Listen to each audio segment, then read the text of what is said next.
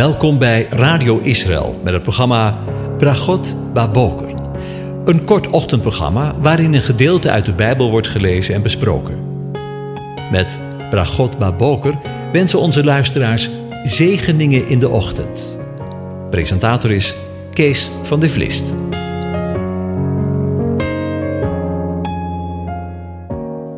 Goedemorgen, Bokatov, beste luisteraars. Vanmorgen denken we weer verder na, en dat voor de zesde keer, over Psalm 127. En ik lees de hele psalm aan je voor. Een pelgrimslied van Salomo.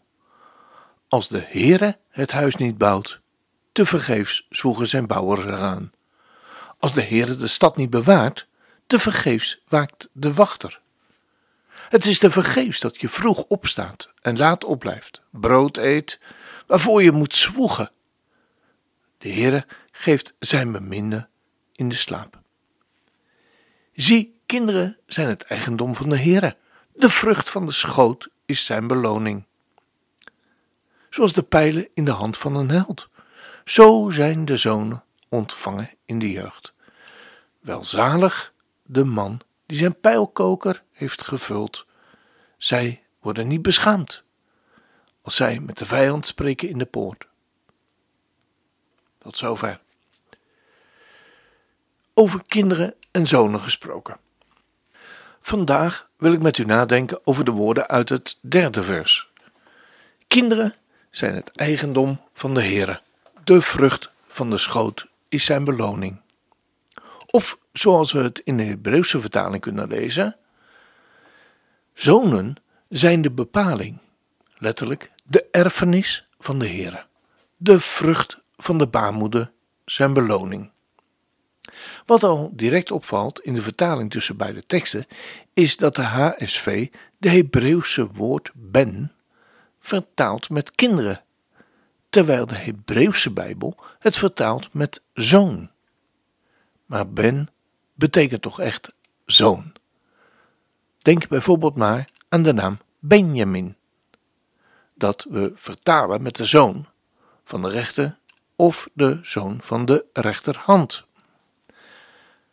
Maar Gods woord is ruimhartig, ook hierin.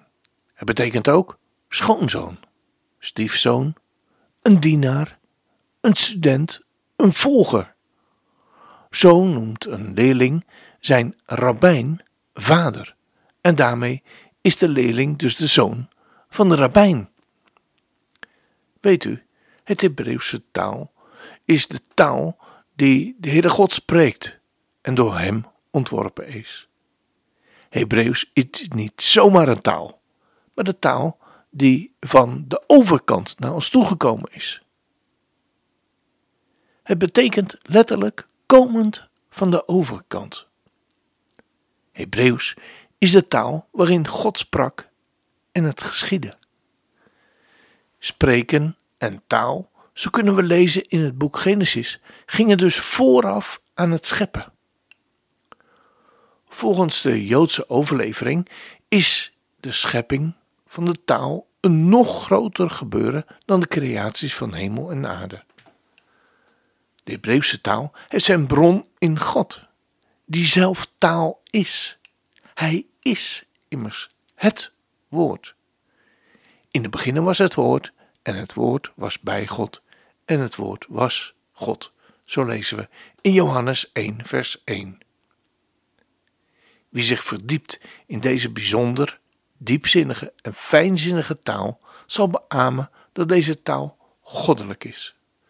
Dat de God van Israël zelf verborgen in deze taal aanwezig is, zelfs tot in de grammaticale spelregels toe.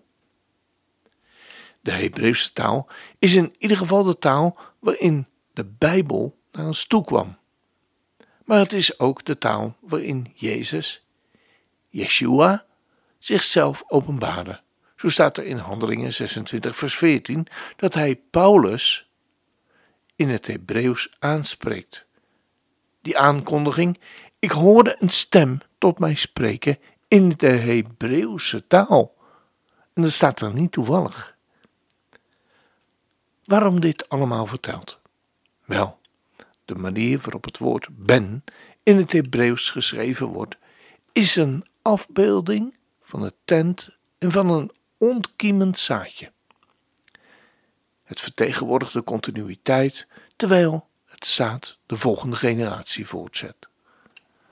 De gecombineerde betekenis van deze letters betekent het voortbestaan van het huis.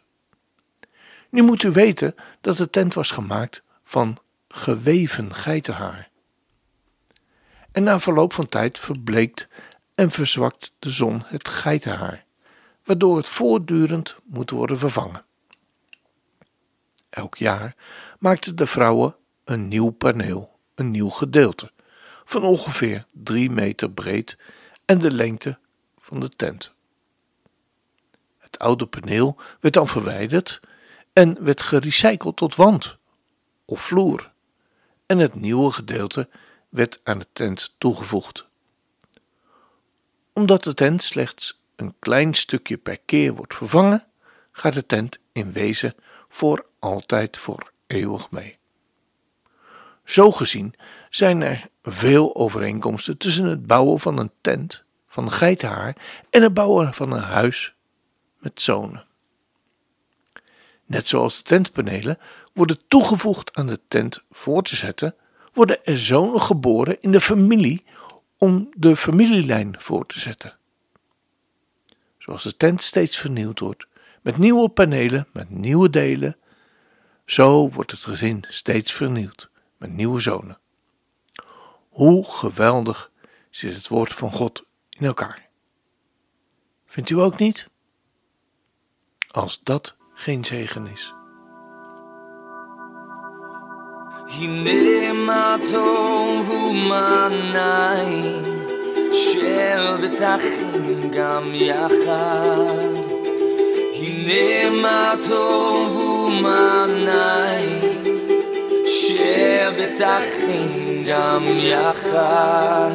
הנה מה טוב. הנה מה טוב, Lie, lie, lie, lie, lie, lie, lie. Inemato, inemato. Lie, lie, lie, lie.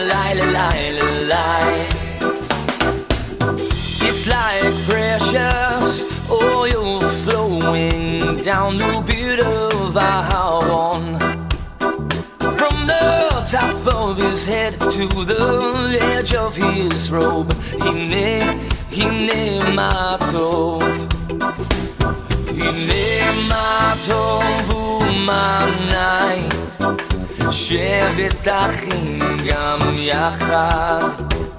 הנה מה טוב ומה נעים, שבת אחים גם יחד.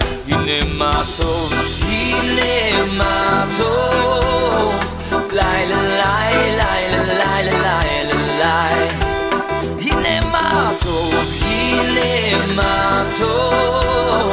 Leile, leile.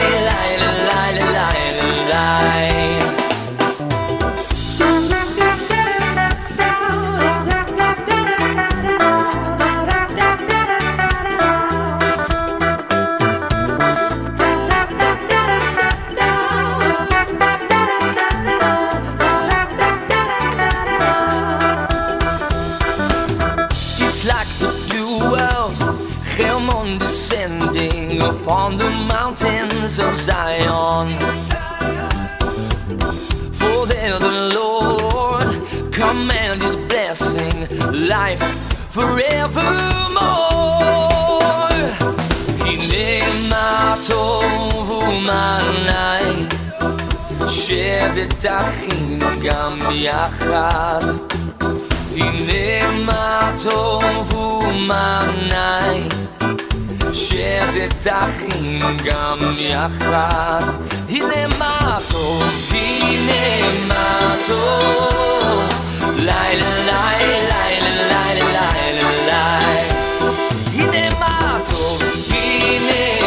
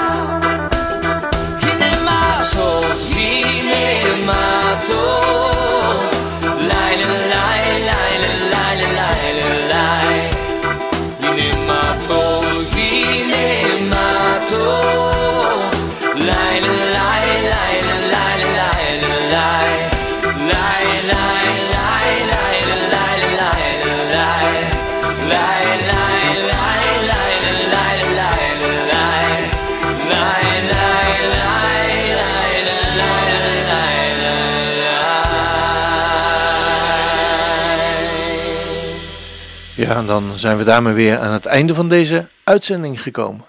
En wens ik u met de woorden van apostel Paulus uit 1 Thessalonicense 5 Gods zegen toe.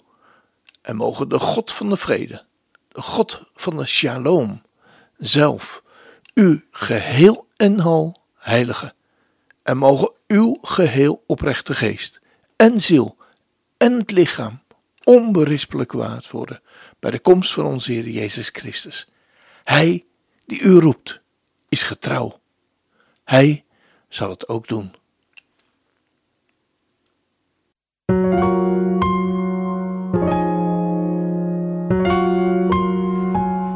U hebt geluisterd naar het programma Bragot Baboker. Een kort ochtendprogramma waarin een gedeelte uit de Bijbel wordt gelezen en besproken. Wilt u het programma nog eens naluisteren, dan kan dat. Ga naar radioisrael.nl en klik onder het kopje radio op Uitzending gemist.